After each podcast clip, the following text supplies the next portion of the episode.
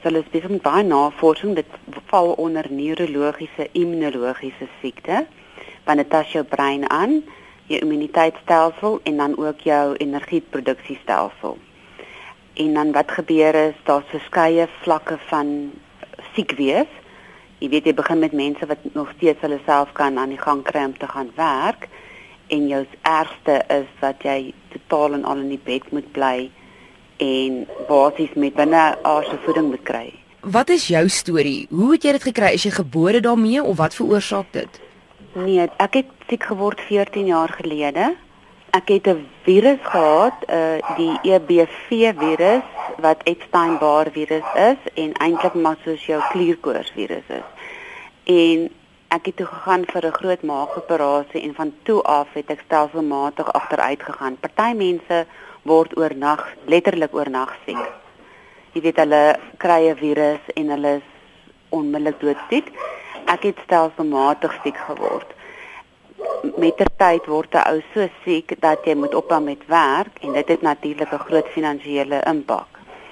En ook dis 'n baie alleen siekte want jy kan nie regtig meer weet sosialiseer nie. Sosialisering is eintlik 'n vreeslik uitputtende aktiwiteit vir mense met ME ek kan ook nie ver bestuur nie. As ek moet ver ry, dan moet my man of my dogter bestuur, dan lê ek agter in die kar. Jy weet, as, as ek nie kan rus by 'n plek nie, dan kan ek nie na die plek toe gaan nie. En ek wat ek doen is, hulle noem dit pacing. So elke 2-3 ure dan gaan lê of slaap ek vir so 'n uur en 'n half, dit hang af hoe ek daai dag is. Toe ek so 4 jaar gelede op Facebook 'n ondersteuningsgroep begin en besef daar's so 'n groot nood daar buite. Jy weet ons almal het dieselfde storie, jy leef in isolasie. Mense glo jou nie, dokters is nie ingelig nie.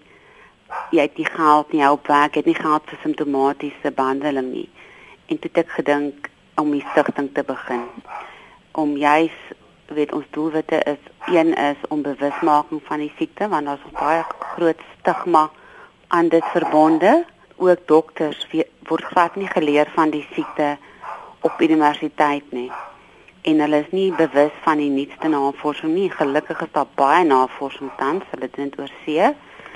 En dan moet ons ook die publiek inlig en geld insamel om juis hierdie mense wat glad nie meer simptomatiese behandeling kan bekostig, dit te help.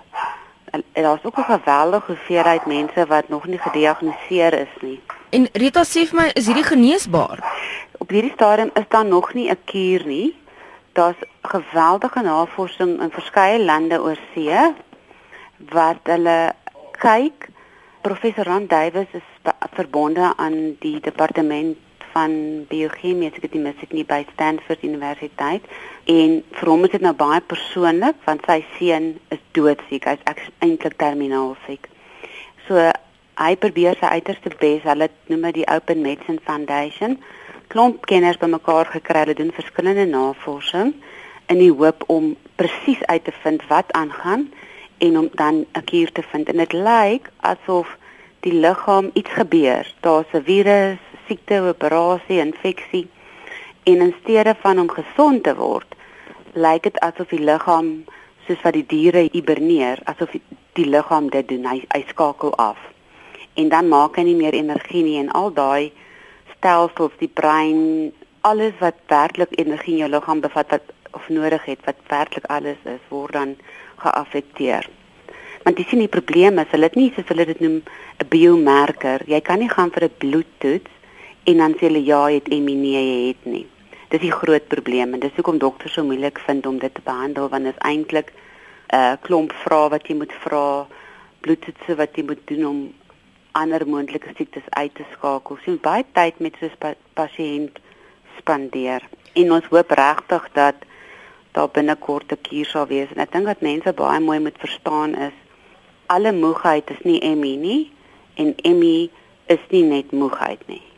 Jy weet baie keer sê mense ek het ek is ook moeg, ek het hard gewerk, maar ME is heeltemal 'n anderste moegheid. Dit is 'n Hulle sê altyd om ME mense se moegheid te vergelyk met 'n gesonde persoon se moegheid is om 'n atoombom met 'n vuurtjie te vergelyk. Daar is net geen vergelyking nie.